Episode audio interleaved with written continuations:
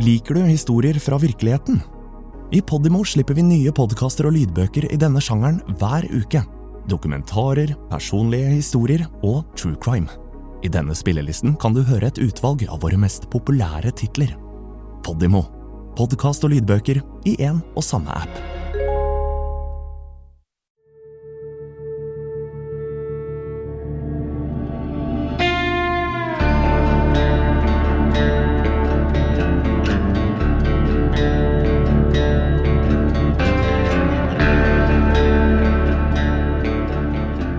I år skulle familiefaren Rafael Flis ha fylt 42 år. Men en regntung vårnatt for ti år siden ble han funnet død på Montebello på Oslos vestkant, seks mil fra sitt eget hjem i Aurskog. Måten han ble funnet på, tilsier at han ble drept. Men hvorfor er det ingen som vet. Eller det er det i hvert fall ingen som vil si. Du hører på Norges uløste drap. Jeg heter Hanna Klingberg.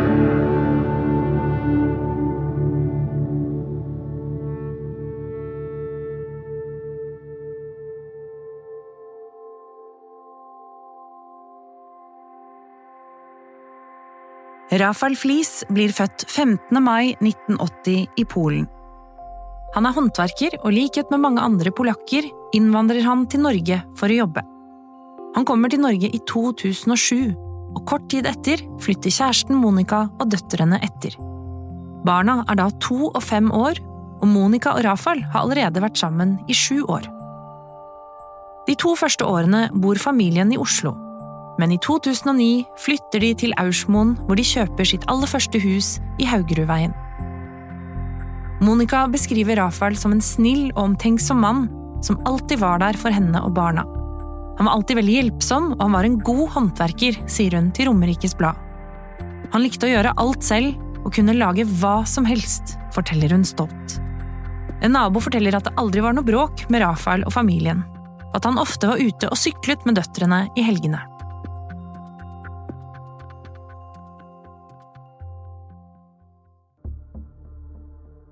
April 2012 i Oslo.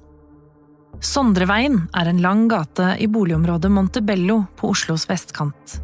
Veien snor seg i en bue parallelt med T-banesporet mellom stoppene Smestad og Montebello. Dette er en blindvei, og i enden er det laget en asfaltert snuplass. I Sondreveien er det stort sett villaer omkranset av store hager med trampoliner og et og annet svømmebasseng. Men fra snuplassen går det en liten gangvei bort til tre terrasseblokker som har adresse i gata ovenfor, og langs med blokkene løper en smal gangsti østover mot Makrellbekken. 24. april 2012 er en tirsdag. Sondre Viste Tu har bodd i villaen nærmest snuplassen i over ti år. Om kvelden denne tirsdagen legger han merke til at det står en sølvgrå Volkswagen Golf stasjonsvogn parkert på snuplassen. Den står på skrå på venstre side. Sondre blir irritert. Parkering forbudt-skiltet kunne ikke vært tydeligere. Men bilen blir stående til neste dag, og det neste. Torsdag kveld 26. april har Sondre fått nok av feilparkeringen. Han tenker at bilen kanskje er stjålet eller har endt der etter fyllekjøring, så litt før halv sju om kvelden melder han bilen til politiet.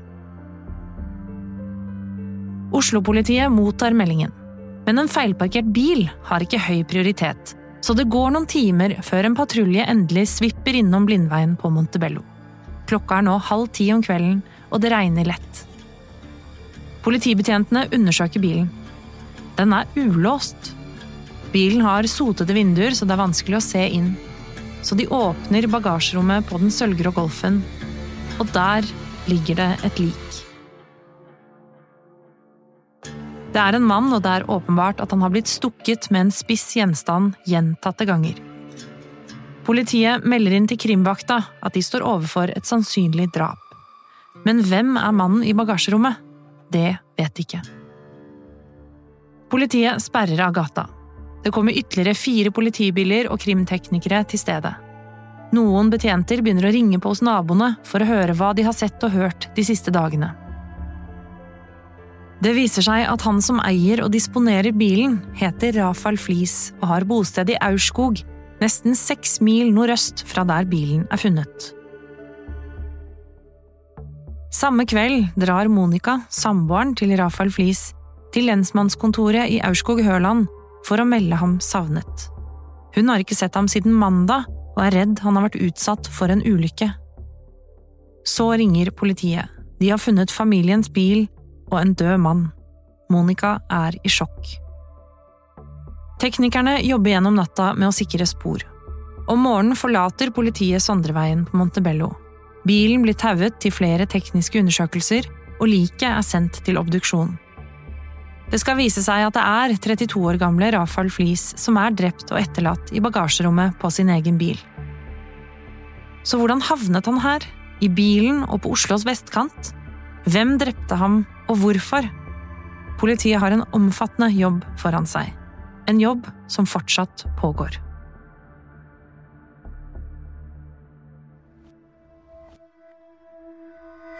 Siste gang Monica ser Rafael, er mandag 23. april 2012 i titiden om kvelden.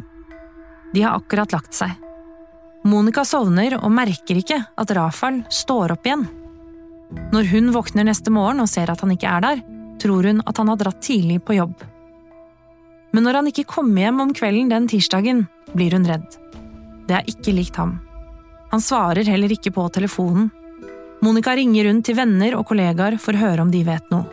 Da finner hun ut at Rafael ikke har møtt opp på jobb den dagen. Og det er nå hun begynner å mistenke at han har vært utsatt for en ulykke. At han kan være utsatt for noe kriminelt, streifer ikke tankene hennes engang. Hun ringer politiet samme kveld. Men de ber henne vente til dagen etter og se om han dukker opp. Da ringer hun i stedet alle sykehusene i nærheten for å høre om noen har sett ham, men hun får ingen napp.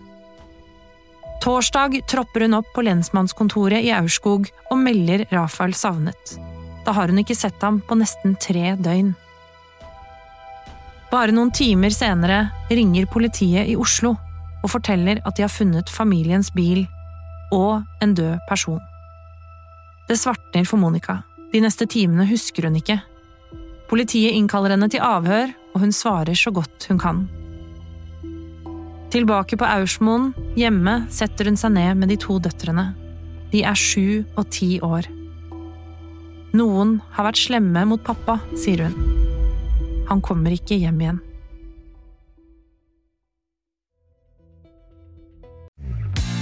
Hei! Har du lyst til å høre mer som denne podkasten, men helt reklamefritt? Da vil jeg anbefale deg å laste ned Podimo-appen for en gratis prøveperiode. Ikke bare finner du kvalitetspodkaster innen alle sjangere, men også flere av de mest populære lydbøkene. Alt sammen i Podimo-appen.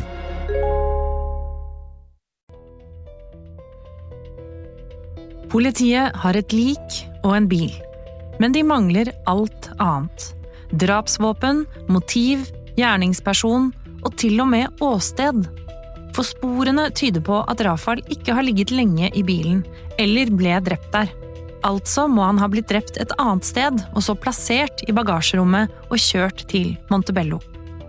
En drapssak uten åsted er ekstra vanskelig for etterforskerne. Det er på åstedet man som oftest finner de beste tekniske og biologiske sporene. Så hvor ble Rafael drept? Etterforskerne går gjennom bomringene mellom hjemmet til Rafael i Aurskog og Montebello i Oslo. De finner én registrering. Bilen til Rafael kjørte gjennom bomringen ved Alna øst i Oslo to minutter på to natt til 24. april. Altså fire timer etter at Monica sa god natt til samboeren.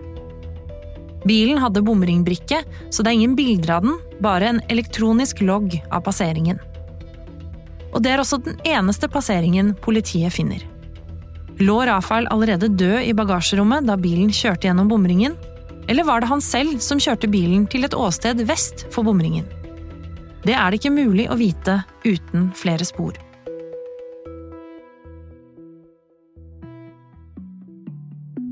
Og vi skal tilbake til denne tirsdagen 24. april. For morgenen etter at Rafael forlater hjemmet og familien i Aurskog, er Kjetil Roger Henriksen på vei til jobb. Han bor på Smestad i Oslo, kun ett T-banestopp fra Montebello.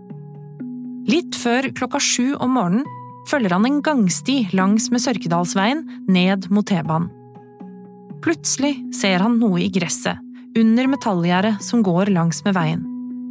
Det er en mobiltelefon. Han bøyer seg ned og plukker den opp.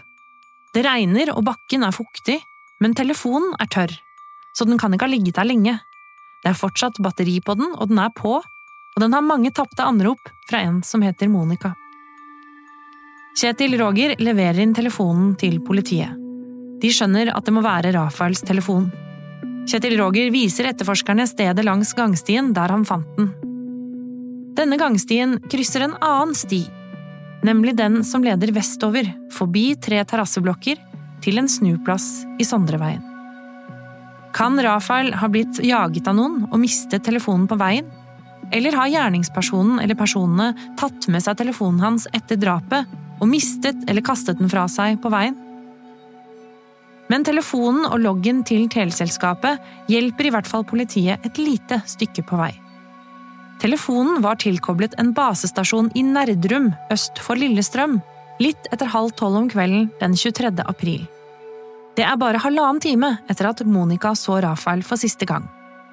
Og det tar nesten en halvtime å kjøre dit, så han må ha stått opp av senga og forlatt huset i Aurskog senest klokka elleve om kvelden.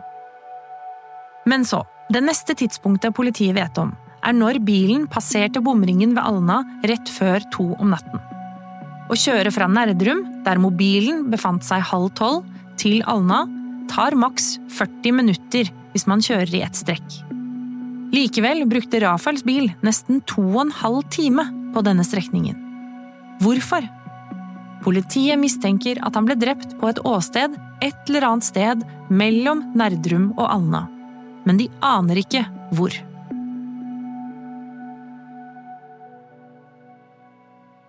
Etterforskerne jobber samtidig med å kartlegge mulige motiv. Rafael er stukket gjentatte ganger med en spiss gjenstand og forlatt i sin egen bil. En teori er at dette er et hevndrap, et resultat av en konflikt med noen han hadde en relasjon til. Men hvem? Monica er i avhør. Hun vet ikke om noen konflikter eller dårlige relasjoner. Rafael var snill og omgjengelig, og han hadde heller ikke endret seg den siste tiden før drapet, sier hun til politiet. Hun hadde jo ikke engang tenkt tanken på at han kunne være utsatt for noe kriminelt da han ikke kom hjem den tirsdagen. Politiet avhører alle kollegaer, venner og bekjente de kan finne. Men ingen kommer med opplysninger som tyder på at Rafael har blitt truet eller hatt en konflikt med noen. Rafael er ikke kjent for politiet fra før, og det er ikke noe som tyder på at han har levd et hemmelig dobbeltliv. Det er eksempel ingenting som tilsier at han har hatt flere telefoner enn den ene som ble funnet langs gangveien. Og så er det nok en utfordring for etterforskerne. Rafael har jo bare vært i Norge i fem år. Før det bodde han 27 år i Polen. Kanskje det er snakk om en gammel konflikt, noe han prøvde å rømme fra. De undersøker ulike miljøer, uten at politiet vil si hvilke miljøer det er snakk om. En nabo på Montebello sier til mediene at han synes det lukter mafiadrap av saken. Men det er bare hans spekulasjoner. Etterforskerne finner ingen bevis på at det er tilfellet. Et team med etterforskere reiser til Polen for å avhøre familie, venner og kontakter med hjelp fra polsk politi. De undersøker også gjenger og miljøer i Polen for å se om Rafael kan ha tilknytning til et kriminelt miljø der. Det er et omfattende arbeid. Men ingen sier noe som fører til tydelige svar. Kanskje han ikke hadde en konflikt likevel? Var han et tilfeldig offer? Tok noen feil av ham og en annen? Motivet for drapet forblir et mysterium. Tilbake på Montebello gjør politiet hundesøk langs gangstien fra snuplassen og helt bort til Sørkedalsveien, der mobiltelefonen til Rafael ble funnet. Men hundene gjør ingen tydelige markeringer. Etterforskerne prøver å finne svar på hvorfor bilen ble etterlatt akkurat her. Det er ikke et sted man bare havner uten videre. Kjørte gjerningspersonen feil, eller hadde vedkommende en tilknytning til området? Igjen er det flere spørsmål enn svar. En uke etter drapet har politiet bare fått inn 13 tips. Det er veldig lite, særlig i en drapssak med et så brutalt drap og mye forflytning. To måneder etter at han ble funnet, går politiet ut med navn og bilde på Rafael i håp om at det skal gi flere tips. Men selv ikke det fører til at det kommer inn avgjørende tips i saken. Om høsten 2012 blir det en pause i etterforskningen. Saken blir rett og slett nedprioritert fordi alle Oslo-politiets ressurser flyttes over til Sigrid-saken, hvor en 16 år gammel jente blir savnet for så å bli funnet drept på Kolbotn. Først når Sigrid-saken er oppklart mot slutten av året, går etterforskerne i gang igjen med drapet på Rafael. Men ikke noe nytt har dukket opp i mellomtiden.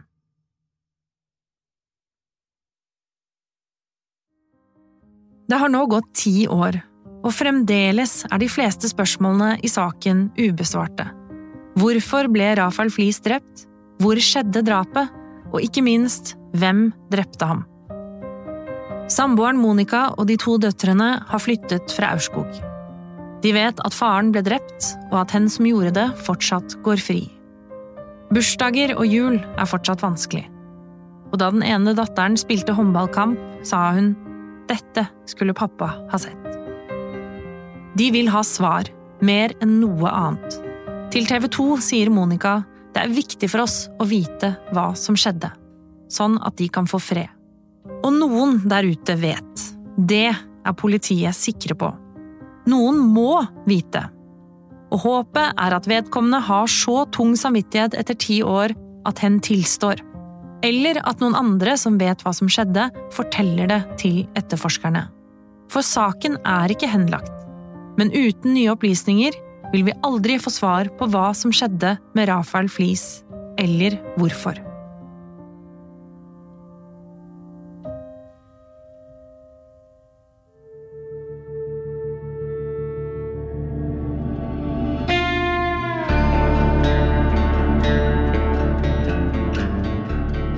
Du har hørt på Norges uløste drap. Denne episoden er skrevet av meg, Hanna Klingberg. Lyddesigner er Olav Nedberget. Produsent er Tonje Holm Sandnes. Og programleder er meg, Hanna Klingberg. Norges uløste drap er produsert av både og ved Stian Letessier, eksklusivt for Podimo.